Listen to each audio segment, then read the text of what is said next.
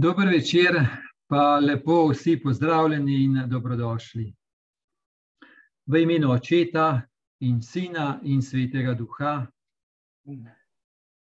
Ko bomo v tem večeru skupaj gledali eno dinamiko,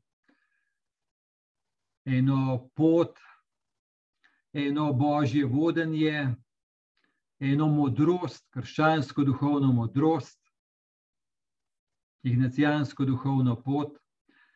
Te prosimo, Gospod, naj to bo tudi nam v korist na naših poteh zorenja. Zorenja v eno zrelost, krščansko duhovno modrost. Naj bo tako in sveti Ignaci prosi za nas.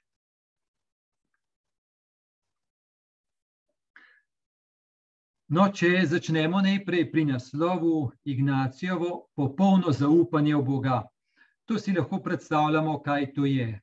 Pomeni odnos z Bogom, močno naslonitev na njega, močno zaupanje, da on ima moč, luč, da je trdna opora, in pri tem povezane torej tudi molitev, um, zakramenti, torej to zaupanje v Boga. Potem pa pravi uporaba naravnih sredstev. Kaj so naravna sredstva? Pomeni, naprimer, naravne človekove moči. Človek ima svoje sposobnosti, talente, svoje telesne, psihične moči, sposobnosti, darove, uvide, značajske lastnosti. Sem spada prav gotovo um, izobrazba, različna znanja, pa v tem bolj makro eh, področju spadajo, naprimer, sem razne človeške prakse, znanost, naprimer, vse to spada notri. Zdaj, v čem je vprašanje? Vprašanje je, um, kam človek položi svoje zaupanje, ali pa kam človek položi svoje temeljno zaupanje. Primer. Naprimer, da ima ena družina ali posameznik ali par zakupiti hišo. Kako naj se tega loti? Naprimer, pomislimo, da ta vidik zaupanja v Boga bo pomenil, da bodo začeli moliti za to, se priporočati Bogu, da bodo morda dali za kakšno mašo, da bodo šli vem, v crkvu svetega Jožefa, pa molili za to, morda da v dnevnico imeli. In to pomeni en vidik zaupanja v Boga, torej da Bog ima kaj s tem, da jaz nisem sam s tem, ampak da Bog ve za to in da mi more pomagati.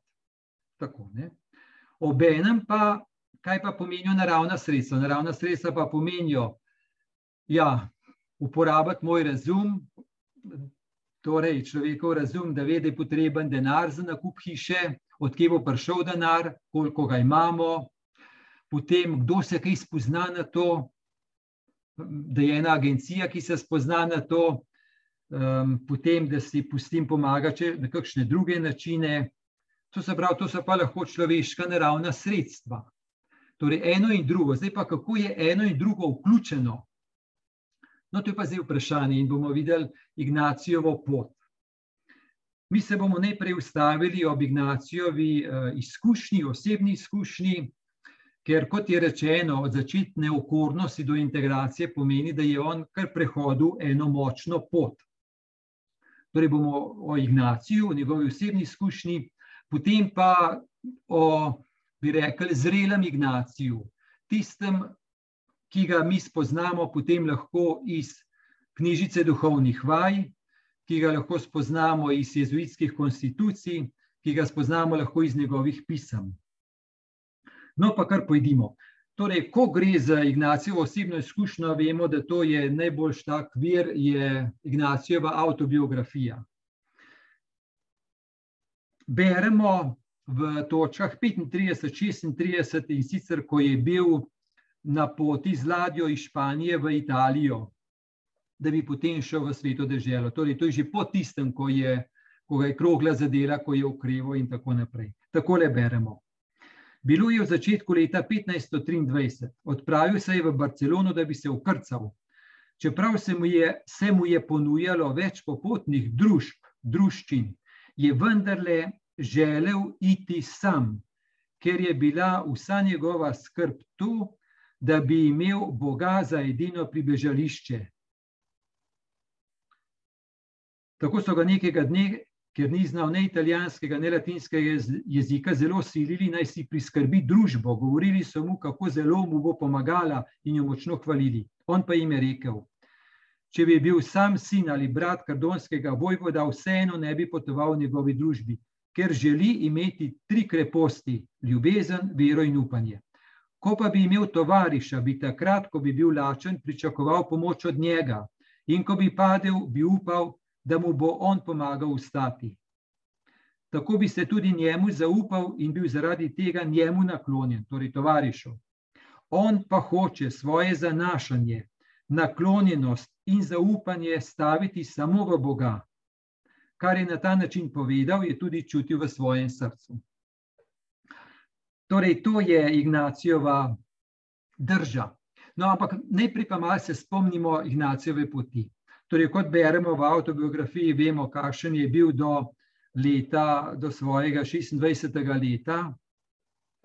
No, in um, takrat do tistega obdobja, čeprav je bil krščen, ampak mu je bil Bog tam nekje daleč. Torej, dejansko Bog ni več kot toliko spadal v njegov življenjski horizont. Krščen jasno je bil, ampak vendarle središče, temelj so bile pa njegove ambicije in njegova moč, da to uresniči, kar je želel. Torej, Bog ni ne vem, koliko res mogel vstopiti, ni imel kaj dosti prostora. Potem, ko ga je pa zadela topovska krogla in skozi tisto okrevanje, takrat je pa on močno izkusil božjo bližino, božjo resničnost in en notranji okus, kaj pravzaprav pomeni um, živeti z Bogom, naslonjen na Boga in za Boga. Torej, to je bilo pa nekaj zelo novega za njega. Tako novega, da če je on prej zaupal in poznal svoje moči, svoje projekte, svoje ambicije, svoje trude, svoje prizadevanje, in jasno, zato si bil močno pripravljen potruditi. Torej, če prej samo to poznal, ali pa predvsem to, je pa potem zdaj tako nekako zagorel v odnosu z Gospodom, poznavajoč notranje Jezusa, Marijo. Tako je to nekako zagorel, da mu je postal odnos z Bogom tako dragocen, da ga za nobeno ceno ne bi želel izgubiti. In odnos z Bogom, ena od dinamik, ali pa morda temeljnih dinamik odnosa z Bogom, je zaupanje vanj da je on vreden zaupanja, da je on tako vreden zaupanja, da se nič ne more primerjati z njim. To se pravi, on nikakor ni hotel izgubiti zaupanja v Boga, zato je rekel: Jaz se nočem več zaupati na človeškost, na ljudi, ker se hočem zaupati, zaupati Bogu. Tako ga lahko razumemo, kje je, v čem je, zakaj je takšen. Sicer pa, če mi beremo sveto pismo, vse to svetemu pismu, to ni tako tuje. Naprimer, mi lahko beremo v Jeremiju 17:5. Tako govori Gospod: Preklet mož, ki zaupa v človeka in se opira na meso, njegovo srce pa se odmika od Gospoda. To je to, ne? tudi v svetem pismu to najdemo. Preklet mož, ki zaupa v človeka in se opira na meso, njegovo srce pa se odmika od Gospoda so močne besede, ne? nas lahko presenetijo, ampak eh, nekako začutimo pa, predvsem pa zdaj smo mi z Ignacijem, ne? to se pravi, kako mu je dragocen odnos z Gospodom, da ga ne bi hotel izgubiti in kompromitirati, da bi se on nekako um, zanesel na kaj drugega kot pa Bog. Pojdimo naprej. V isti točki autobiografije. V skladu s temi nazori si je želel, da bi se ukrcal ne le čisto sam, ampak tudi brez vsake popotnice.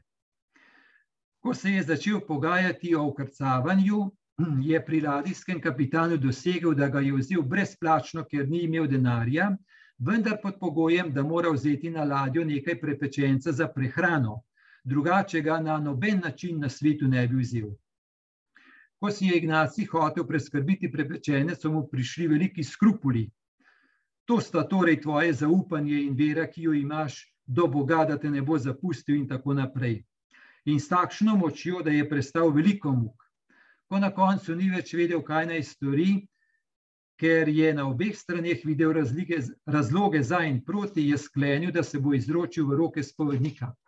Razložil mu je torej, kako zelo rad bi dosegel popolnost in to, kar bi bila večja božja čast. Navedel je razloge, ki so ga spravili v dvom, ali naj vzame žive s seboj. Spovednik je odločil, naj izprosi in vzame seboj toliko, kolikor je potrebno. Ignacij je na koncu dobil prepečenec in se ukrcal. To, da ko je na obali videl, da ima še pet ali šest beličev od tega, kar so mu dali, ko je prosil od vrat do vrat, jih je pustil na neki klopi, ki jo je opazil blizu obale. No, tako vidimo, ne? tako bi rekel, eh, res ena okorelost, ampak ob enem pa ena radikalnost. A veste, da ravno danes smo bili z eno skupino študentov, ki so imeli za nalogo ali pa možnost prebrati Ignacijevo autobiografijo, in sta dva rekla, kako jih je nekako notranje navdihovalo ta Ignacijeva radikalnost. Čeprav tako okorna, ampak vendarle pa radikalnost, da se je hotel premakniti nekam. Torej, starega Ignacija, ki je bil naslonjen na sebe, do novega Ignacija, ki je naslonjen na Boga, tako močno je hotel biti na, na, naslonjen na Boga, da mu je vse ostalo nekako eh, se zdelo zelo, tako reku, nevarno, prav nevarno, da bo Boga izdal. No, zanimivo je, da eh, Ignacij za mlade jezuite eh, v novicijatu da je zapisal potem v konstitucijah, torej konstitucije družbe Jezusove, to je ena taka debela knjiga, um, imajo tudi eno točko, to je tako kot je naš brek, statut ali pa ustava, imajo eno točko pravi za, za novince. Um, spet za mesec dni naj gredo brez denarja na potovanje. Občasno naj od hiše do hiše prosijo Boga ime iz ljubezni do Kristusa, da se tako navadijo na neugodnosti glede hrane in spanja, tudi zato, da se odvrnijo od vsakega zaupanja, ki bi ga mogli imeti v denar in druge zemeljske reči, marveč bi ga stavili popolnoma v resnični veri in močni ljubezni v našega stvarnika in gospoda. No, in v novicijatu smo mi to imeli in je res močna izkušnja. Nač imeti edino eno močno zaupanje, da bo Bog na kakšen način poskrbel. To je res močna izkušnja, to bi se kar privoščil tudi drugim. No, pojdimo mi zdaj naprej. Torej, smo pri Ignaciju, ki je hotel močno, močno, močno zaupati, in nič dovolj, da bi kaj tazga bilo, kar bi kompromitirali njegovo močno zaupanje v Boga. In pogledajte, to, kar je Ignacij govoril, kar smo zdaj poslušali v autobiografiji, on je to govoril po treh desetletjih. Torej, če je tisto doživljal pri svojih 30 letih življenja, je to govoril pri dobrih 60 letih življenja. In se predstavljate, po 30 letih, ko je bil že mnogo let vrhovni predstojnik, da se je tako natančno spominjal, koliko boličev je imel, kako občutja, ki jih je imel v sebi, kaj narediti, in tako naprej da se je to tako močno zapolnil, pomeni, da je bilo zelo pomembno za njega na obdobju v tem njegovi poti. No, zdaj pa malo skočimo naprej, pa pomislimo na Ignacija, potem bi rekli zrelega Ignacija, potem, ko je bila že ustanovljena družba Jezusova, torej, ko so bile že um, knjižica duhovnih vaj napisana in potrjena od papeža, ko so bile konstitucije že napisane, jih je že napisal. In še posebej pa, ko imamo v, torej on je bil dobrih 15 let vrhovni predstojnik, potem je pač umrl. No in je ogromno pisem napisal, 7000 je ohranjenih. In veste, da je ogromno teh pisem se obada z vprašanji financ, denarja, ogromno ogromno. In um, tudi eno zadnjih pisem, ki je ohranjenih od njega, torej časovno zadnjih, je o tem, kam naj denar vložijo, kako naj ga naložijo, da bo čim bolj uh, dobro denar naložen. Torej, kaj se je zgodilo? A je Ignacij iz svetnika postal poslovnež, kaj pravite, kaj se je zgodilo?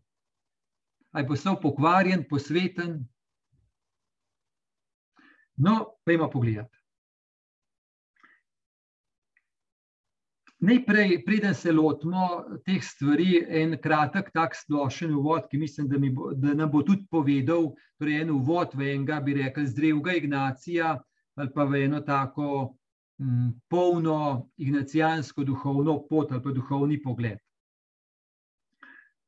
Um, John O'Malley v eni knjigi, morda jo je kdo srečal, prvi jezuiti, torej v tej knjigi on pravi, da so jezuiti verovali v svet, v katerem je obilo Božje milosti, da Bog želi, da se vsi zveličali, da, bi, da se vsi zveličajo in da je Bog svet uh, objel z veliko ljubeznijo zaradi Jezusovega življenja, smrti in ustajenja. Torej je ta izkušnja, da je Bog delujoč v svetu, in da v svoje delovanje, ki je odrešensko, torej njegovo delovanje se je razodelo v polnosti v Kristusu, da Bog hoče polnost odrešenost človeškega življenja in da je te božje milosti, tega božjega trkanja, da je ogromno na delu in da Bog nekako vabi, da bi se ljudje v to vključili, v to odrešensko delo. In torej, če je oče poslal sina pred 2000 leti, je zdaj crkva, ki je Kristusovo telo, danes poslana v svet, da je en prostor božjega odrešenskega dela in je kristjan v to povabljen, da s tem sodeluje. Torej, to je ena taka temeljna vizija, dosta optimistična. Torej, ogromno božje milosti je na delu in človek je v to povabljen, da je v to vključen. Torej, je upanja polna duhovna pot, ker je Bog, ki želi biti s človekom in s človekom odrešuje ta svet, po človeku, v človeku, skupaj s človekom. In da se Bog nekako razodene, pa da nagovarja tudi posameznega, posamezno osebo, ne samo nekaj neslošno, ampak da prav osebno vsakogar nagovarja, da bi bil v to vključen. No, to je en vidik. Drugi vidik pa še um, um, to, da se spomnimo, da je Ignaci v času humanizma in renesanse. Torej, to je tako obdobje med, med srednjim vekom in novim vekom, tam med 14 in 17 stoletjem, zdaj zelo na grobo rečeno, ker nimamo časa. Če je srednji vek en tak čas, ko je močno v spredje postavljal Boga, vero, in večno življenje razumljeno kot onostransko. In je bilo to svetno življenje, to zemsko življenje, bolj kot ena priprava na poj, skoraj bi dal v oklepaj. Eh, torej, dosti usmerjenost v onkraj. Ko je pa prišel humanizem, pa renesansa, to je pa uh, nekako eno tako prebujenje človeka in tega sveta in te zemskosti, da je, da je že to tako polno, tako vredno, tako polno, tako vredno, da je dejansko um, da se človek od onostranskosti pa gledanja Boga usmeril v to stranskost, v ta svet in v človekove moči. Torej, kot da bi potem Boga zamenjal človek, pa ta svet, ker vendar je ogromno nudi. No, ta isti John O'Malley je prav eh, tudi povdarjal, kako humanistično gibanje, ima očiten vpliv ne, na, na, na družbo Jezusovo pri uh, ustanovitvi. To je bilo malo ta zgolj malo konteksta, ki se mi zdi, da je pomemben, um, ker noben svetnik ni izven časa, ni nekje v zraku. No, zdaj pa se uh, spet vrnimo k Ignaciju, kako je on zoril. Um, počasi on prepoznal, da Bog ne želi, da se bo on strašanske, asketske duhovne vaje šel, pa eno meniško pot, ampak da bi on pomagal dušam, ajudar alasal animas, almas, ajudar alasal almas. Je en izraz, ki je ogromno krat eh, prisoten v jezuitskih dokumentih in pomeni pomaga dušam, ampak duša pomeni celostno človekovo življenje. Pomeni Vse, kar človek je, to stranskost in onostranskost. No, in je potem spoznal, um, da on uh, mora študirati za to, da je študij zelo pomemben. No, in je zanimivo, beremo v teh um, njegovih, v spet v njegovi autobiografiji, takrat, ko je študiral. In torej študirati je hotel kar zaresno, ker je šel vendarle, naprimer, v študirati v Pariz na Sorbono, ki je bila takrat znana kot najboljša univerza. In je celo sam potem enkrat povedal, da je pariški način študija pa res dober. In je na ta tega potem tudi vzel za, za jezuitske poj kolegije. Torej, ko je on študiral, je bilo zanimivo, parkrat to omenja, da ko je študiral, um, mu je prišlo ogromno želje, da bi molil, pa bil z Bogom, ker je to njegova želja, ne pa študij. Ker ravno enostavno mu ni šlo, ker Ignac je bil že zelo star, ko je študiral. Ignac se predstavlja, da je Ignac tako star, da se pravi krepko čez 30 let, zdaj se pa še učiti.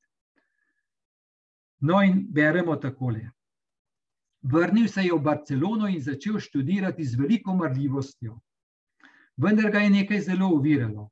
Kadar se je namreč začel učiti na pamet, kakor je treba na začetku študija gramatike, so mu prihajala nova spoznanja o duhovnih rečeh in novi občutki, tako da se ni mogel učiti, a jih tudi ni mogel izriniti, če se jim je še tako upiral. O tem je veliko krat premišljal in si na zadnje rekel: Niti kadar se odpravi molit ali če sem pri maši, me ne obhajajo tako živa razsvetljenja. Tako je s časoma prišel do spoznanja, da je to skušnjava. In potem v Parizu, ko je študiral, je nekaj podobnega doživel. Kaj tukaj vidimo? Torej, Ignaciju je bilo jasno, da Bog zanj želi ajudar alas almas, pomen pomaga dušam in je vedel, da mora študirati za to. Tudi crkva mu je rekla, študiraj. Ni dovolj, da se sam zanašaš na svoj občutek. Ker takrat so bili alumbradori, razsvetljeni, ki so rekli, brez veze študij, samo škodo dela. No, on je pa rekel, ja, če crkva tako reče, no, pa, pa gremo študirati.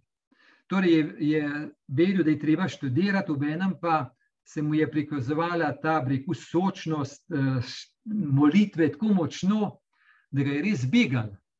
Ampak vidimo, kako tukaj Ignacija rekel, je nič, treba je razvijati talente, sposobnosti pa moči. Ne more, ne more moliti biti vse. No, to je že nekaj, rekel, kaj pomeni, kako je začel vključevati v, v svojo pot tudi razvijanje naravnih sposobnosti pa moči. Pa je imel izredne, za seboj izredne mistične izkušnje, ampak vendarle se je kar krepko, krepko začel študirati.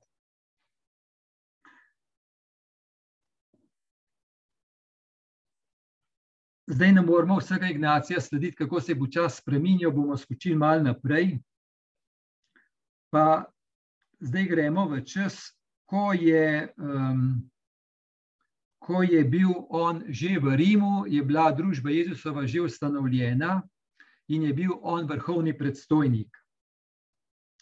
V eni knjigi, tako dobra knjiga je Contemplatives in Action, jo je napisal William Barry, en jezuit.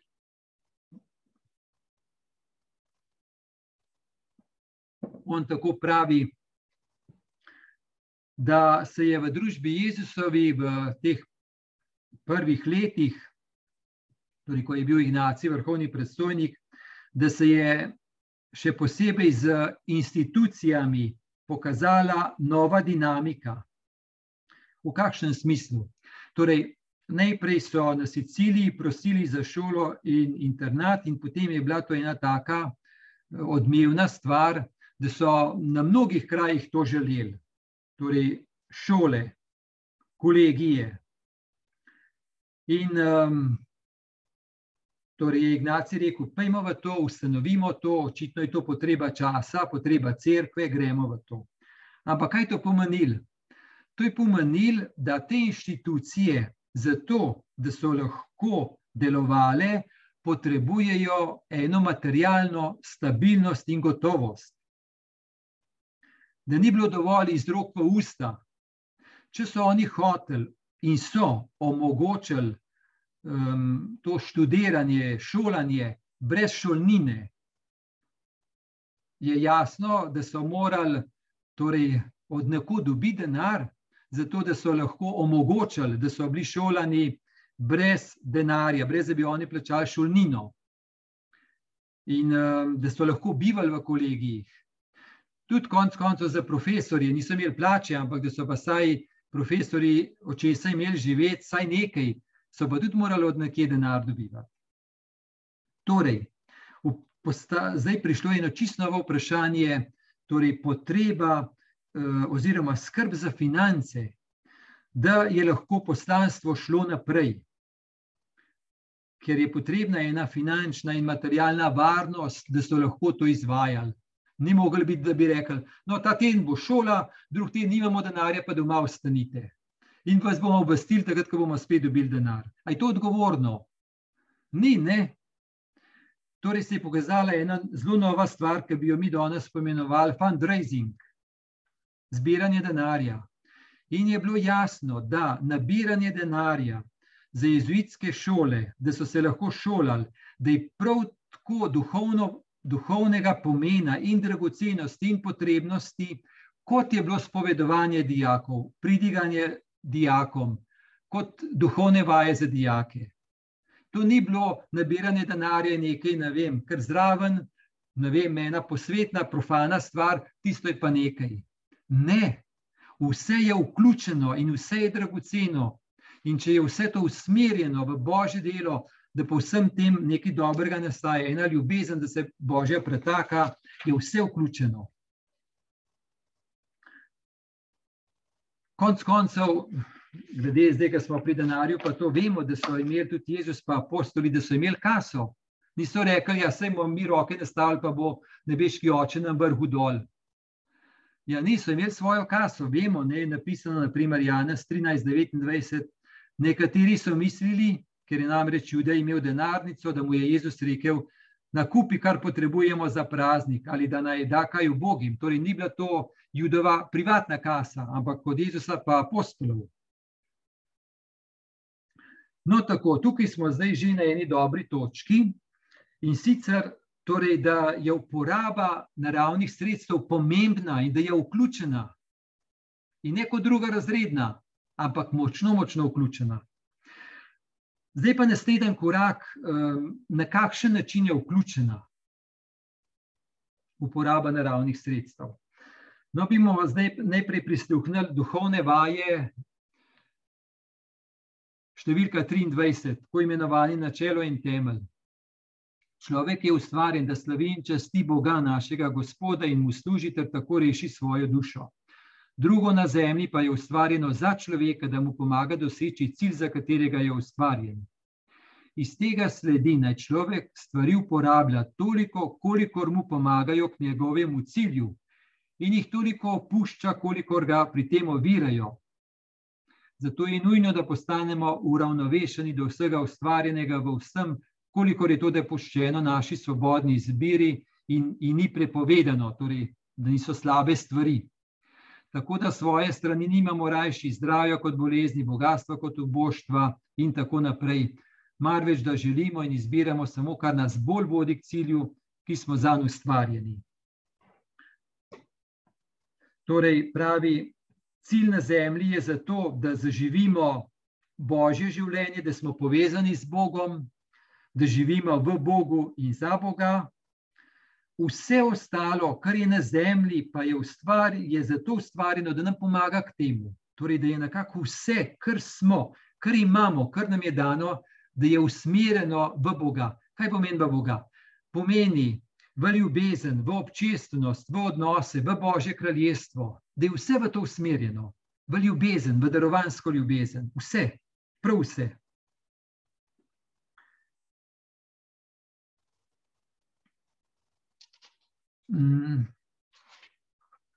Zdaj pa gremo na jezuitske konstitucije. Bom prebral nekaj točk, oziroma vsaj nekaj iz njegovih točk, zaradi tega, ker nam uh, pove, kar sicer velja za jezuite, ampak začutno pa v tem Ignacija. Pa nam ni tako tuje, sploh če gledamo to, uh, to, kar smo zdaj poslušali iz duhovnih vaj. To so točke 812, 813, 814. Ker družba Jezusova ni ustanovljena s človeškimi sredstvi, se ne more z njimi ne ohraniti, ne rasti, temveč le z milostjo vsemogočnega Boga in našega Gospoda Jezusa Kristusa. Samo van moramo zaupati, da bo On sam ohranjal in spodbujal to delo, ki ga je hotel začeti v svojo službo in slavo, ter v pomoč dušam. Vidite, ta pomoč dušam. Torej, Bog je začel, van gre temeljno zaupanje, to je temelj, to je bistvo, na tem se gradi naprej. Zdaj pa naslednja točka. Za ohranitev in rast ne le telesa, se pravi družbe Jezusove na zunaj, ampak tudi njenega duha in za uresničevanje namena, ki si ga postavlja, da pomaga dušam doseči njihov poslednji nadnaravni cilj, so uspešnejša tista sredstva, ki orodje zvežejo z Bogom, torej je, je vertikala, ki orodje, torej nas zvežejo z Bogom in ga uberejo, da se da dobro voditi Božji roki.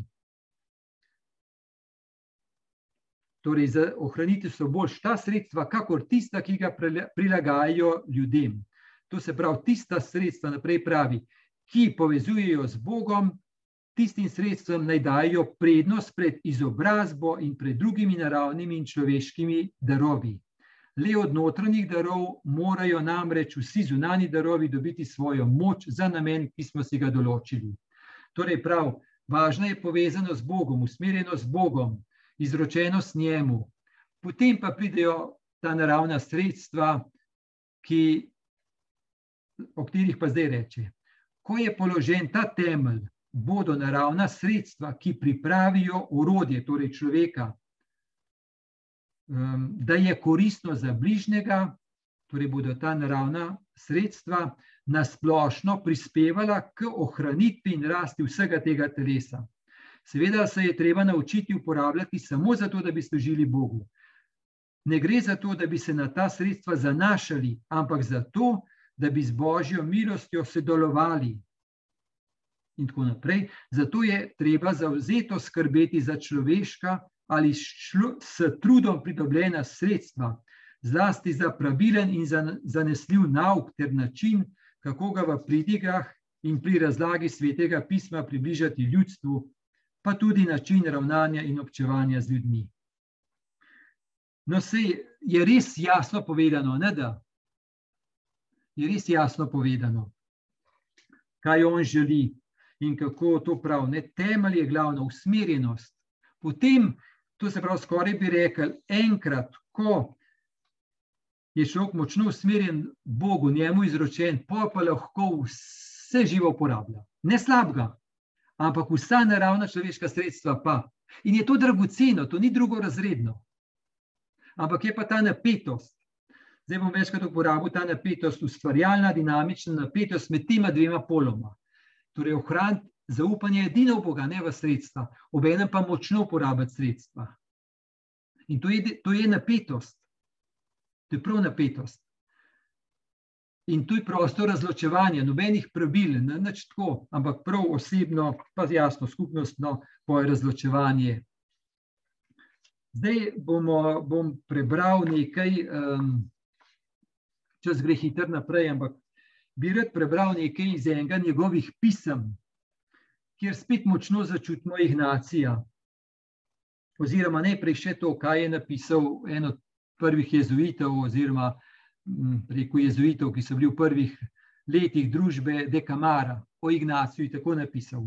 Oče, torej Ignaci, ko so ga imenovali, v zadevah, ki se jih loti, se zdi, da ne uporablja prav nobene človeške preudarnosti, ampak vse dela na temelju zaupanja edino le v Boga.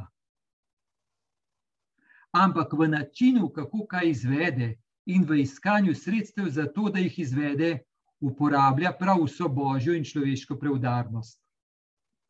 Tako malo lahko zaslutno. No, zdaj pa to, kar je v enem pismu. In sicer, zakaj je šlo? Um, nekje so, torej bilo je v Španiji, mislim, da v Španiji, kjer so dominikanci izredno javno blatili jezuite in jezuitsko delo, sramotili, slabo govorili. No, in potem, ko so upozorili, da ni res, in tako naprej, so oni šli kar naprej. No, in je Ignaci prišel na, na, na idejo, da gredo kar na sodišče, da ga bodo kar prijavili, da bo nehal, ker prej ne bo nehal. No, in drug jezuit, pater Alvarez, on je pa rekel, da bi to pomenil pred, poklekniti pred balom. No, in kako je potem Ignaci po tajniku Polanku, kaj je odgovoril. Zdaj, tole ni dobeseden prevod, sem pač iz italijanščine prevajal. To je ena taka debela bukla, ampak sem rekel, dajmo zato, da se malo začuti, če bo nam nekaj časa vzel. Pravi tako. Zdi se mi, da ste, vikanje je bilo takrat običajno, zdi se mi, da ste, torej ta pater, da ste napačnega gledanja, ker vstopate v zadevo tako poduhovljeno, da izgubite zdravo modrost. Gledate, kot da če uporabljamo naravna sredstva, da je to od zgolj človeškega duha ali pa nižjega duha, ko pravite, da bi to bilo poklekniti pred balom. Uporabiti človeška sredstva za dober namen, ki je všeč našemu gospodu, nikakor ni poklekniti pred balom. Nasprotno, kdo ne verjame, da je treba uporabiti ta sredstva, ta božji dar, ki ga daje Bog, in misli, da je to napačna mešanica med naravnimi sredstvi in milostjo, ta še sploh ni doumel, kako prav vse stvari usmeriti v božjo slavo in da bi v vseh stvarih in z vsemi stvarmi pripomogel za zadnji najvišji smisel, ki je božja čast in slava. Pomenilo bi malikovati Baala, kdo bi se zaupal tem človeškim sredstvom in bi vanje položil svoje upanje, bolj kot pa v Boga, v njegovo zastonsko milostno pomoč. Medtem ko tisti, ki položi v Boga v temelj svojega upanja in za svojo službo uporablja sredstva, ki mu jih je dal Bog, notranje in zunanje sredstva, duhovna in fizična sredstva, prepričan, da Božja vsemogočnost deluje s temi sredstvi ali brez njih, tisto, kar ona sama želi.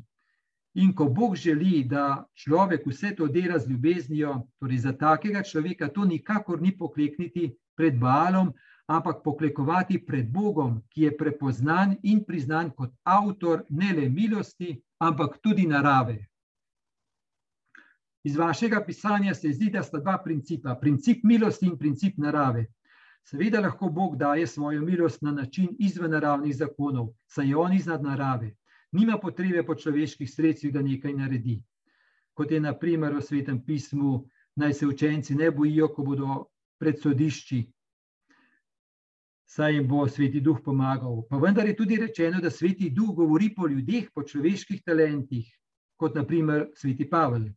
Pa tudi sicer, saj je vendar v zgodovini cerkve mnogo sposobnih ljudi, ki so svojimi talenti pripomogli k oznanjevanju Kristusa, naprimer sveti Augustin ne moremo reči, da bi on poklekoval pred Baalom, pač pa je poklekoval pred vsemogočnim Bogom, kateremu edinemu je služil z naravnimi in nadnaravnimi sredstvi.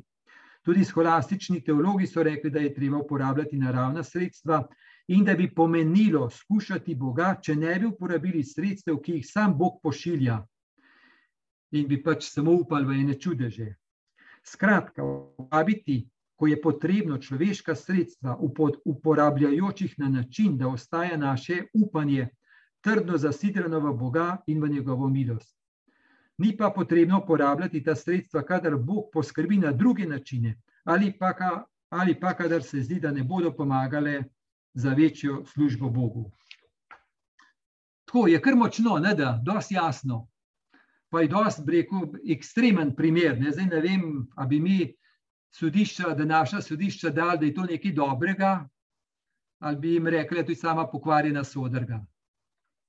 Torej, Ignacij je gotovo imel za nekaj dobrega, ne? ker on je tudi, je bil svoj in je tudi, je zahteval od sodišča. Povejte mi, če sem narobe storil, mi povejte, če ne pa napišite, da v redu delam in da mi bodo dovolili delati. Torej, tudi svojo izkušnjo imel tako. No, mi bi lahko izpisali še veliko enih drugih stvari, ampak zdaj res nimamo, nimamo časa. Eh, preidimo na zadnji del, in v tem zadnjem delu sem pa hotel to. Torej, če je res dinamična napetost, temeljno zaupanje v Boga, obenem pa uporabljati sredstva za to, človeška sredstva za to. Um, Zdaj pa to je napetost. Eno in drugo, da je prisotno, en in drug pol. In tukaj noter se gibljamo, in to je razločevanje, toliko, kolikor, in ni enostavno. Zlahka se gre v en ekstrem, v en pol, ga bomo mi tukaj poimenovali spiritualistična tendenca. Če se bo vse Bog naredil in če mi uporabljamo kaj človeškega, naravnega, zemskega, je to že izdaja Boga. Torej bomo to poimenovali spiritualistična tendenca, ali pa če bi šli pa v drugo tendenco, da bi se pa zanašali samo na človeška sredstva.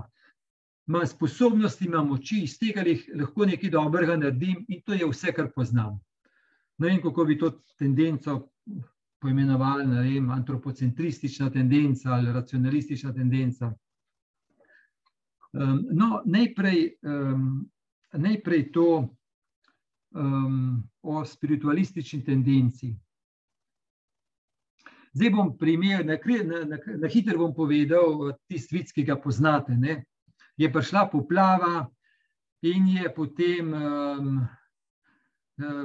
voda začela naraščati, in je, in je poje en prebivalec, ki je šel gor na, na, na ta Raufunk. Ne?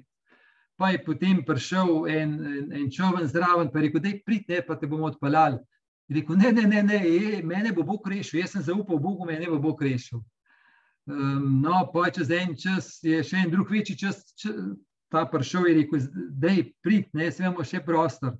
Ne, ne, mene bo Bog rešil jaz se ne bom zdal vam rešiti, mene bo Bog rešil, zaupam mu, ne bom izdal zaupanja vam.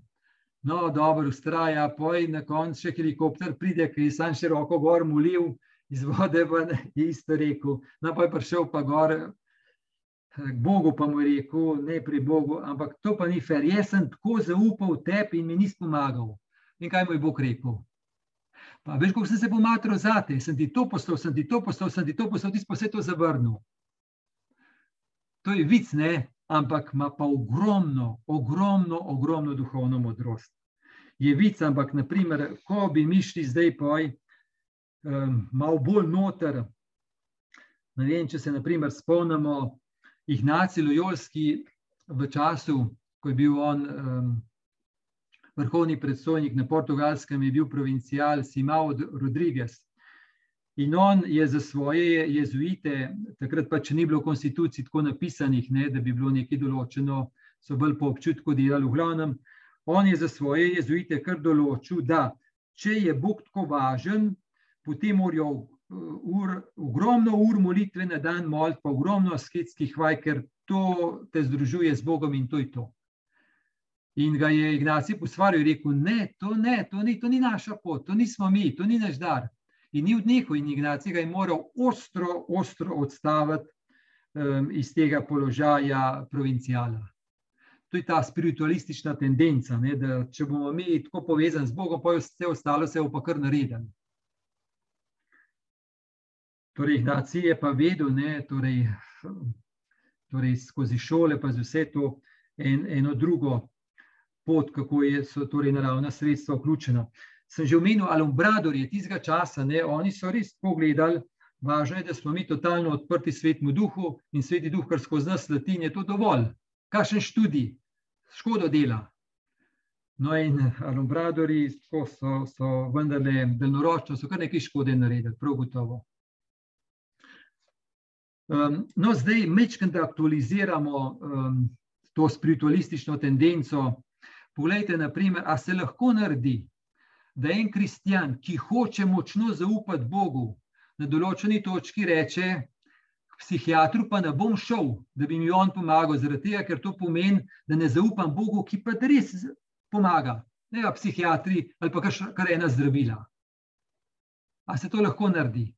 Lahko se naredi, to sem že večkrat slišal na svoje ošesa.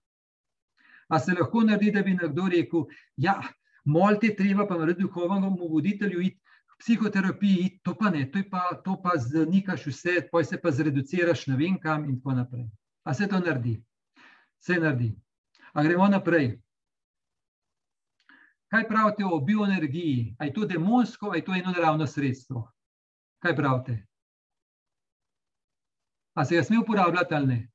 Ne bomo šli noter, ampak saj da malo začutite, kako je to eno tako močno in globoko vprašanje.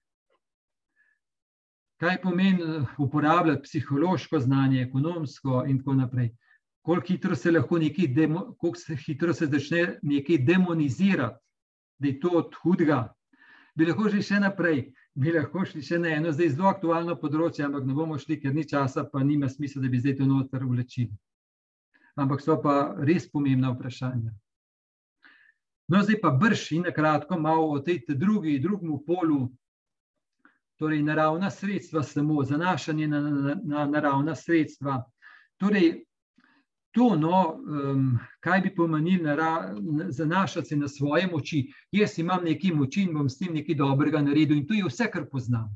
In da poznam milost, ki lahko dela pomeni. Torej, da ne gre samo za to, kaj jaz z mojim trudom naredim, ampak kaj milost z menoj v meni naredi. Kot je Pavel rekel, pa ne jaz, ki sem se trudil, ampak milost v meni. Ampak Pavel je bil vključen, Pavel je bil močno vključen, se je matrov, razkiral, ampak je še vedno rekel, milost v meni se je trudila. Zato gre. Ne? Torej, če bi pa človek se samo na svoje talente, moči zanašal, tako kot bi rekel stari apostol Peter, ki se je najprej zanašal na sebe in samo na sebe, ker ni drugega poznal, ni še poznal moči božje ljubezni in zastonske ljubezni. No, to je to. Torej, zanašanje na človeške talente, pa moči kot na edino. To, torej, če je to že hm, tudi v začetku svetega pisma, bi lahko rekli, no, ko Adam in Eva, ko se bolj zanašata na sredstva, na ustvarjanje stvari, kot pa na odnos z Bogom, tam ste že začeli. Potem vidimo pri apostolih, Mi smo pa zdaj, po štirih stoletjih antropocentrizma, ko je vse naslovljeno na človeka, pa vem, vemo, kakšen zrak dihamo. Zato ni čudno, da iz enega breku tega zraka, antropocentrističnega, se res lahko kar spouzi v en spiritualizem, v spiritualistično tendenco. In se naredi, in to ni tako redko.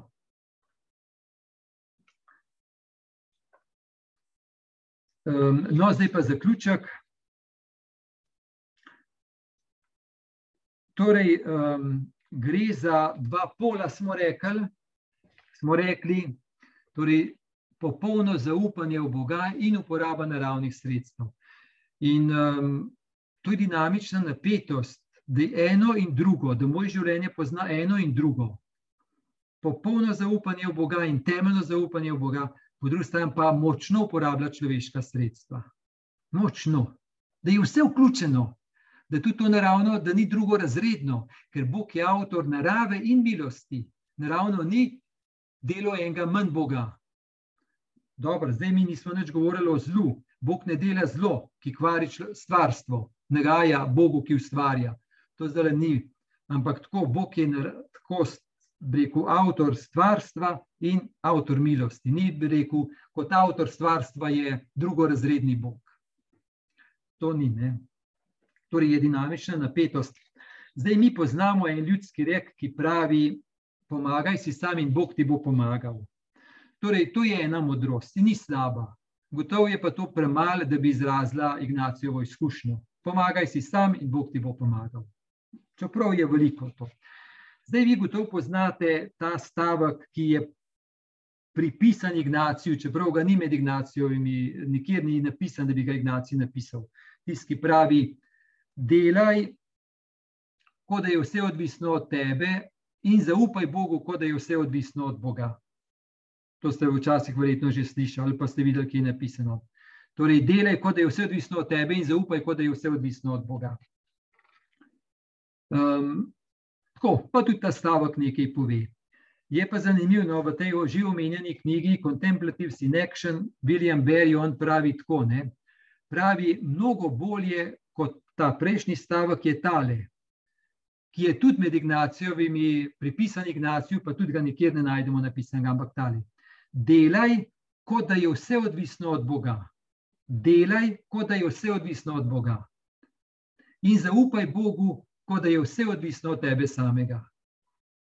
Torej, on pravi, no, ta stavek je pa mnogo bolj ustrezajoč temu, kar je, kar je Ignacij, pa ignacijanska vizija ker tam bi bilo malo eno zraven drugega. Delam, kot da je vse odvisno od mene, zaupam, kot da je od Boga, kot malo eno v drugem. Tukaj se pa bolj prepleta. Delaj, kot da je vse odvisno od Boga, in zaupaj, kot da je vse odvisno od tebe samega. Z logiko ne gre to skupaj, ne? ampak s to prepletanjem, to pa. No, tako, zdaj smo pa mi že pri koncu, vsaj časa, tema je obširna. Ne? Torej, temeljno je, smo rekli, usmerjenost k Bogu, da se mu na razpolago in skrbeti za to. Potem se pa dati noter z vsemi močmi. Vincenci Pavelski je rekel, torej ustanovitelj Lazaristov, eh, on je imel za Ignacijem bil, ampak ima en stavek, tako pravi, ko enkrat veš, kaj božja volja, potem se potrudi z vsemi svojimi močmi, da jo boš uresničil. Vrš se, vrš se vrži noter, ne, ker veš, da si v eno pravo smer usmerjen. No, tako. Mm. Torej, gre za temelj, komu temeljno zaupam, komu vse temeljno zaupam, na koga sem temeljno naslonjen, ali na sebe, na svoje moči, ali pa na Kristusa in po njem v svetem duhu na očeta. Torej, ali ima zadnjo besedo Bog, božje usmiljenje, božje ljubezen, onkraj mojih uspehov, neuspehov, pacov, omejenosti in tako naprej, da ni to zadnja beseda, ampak da je Bog božja milost, ki lahko, če Bog želi, tudi marsikaj naredi to skozi moje omejenosti.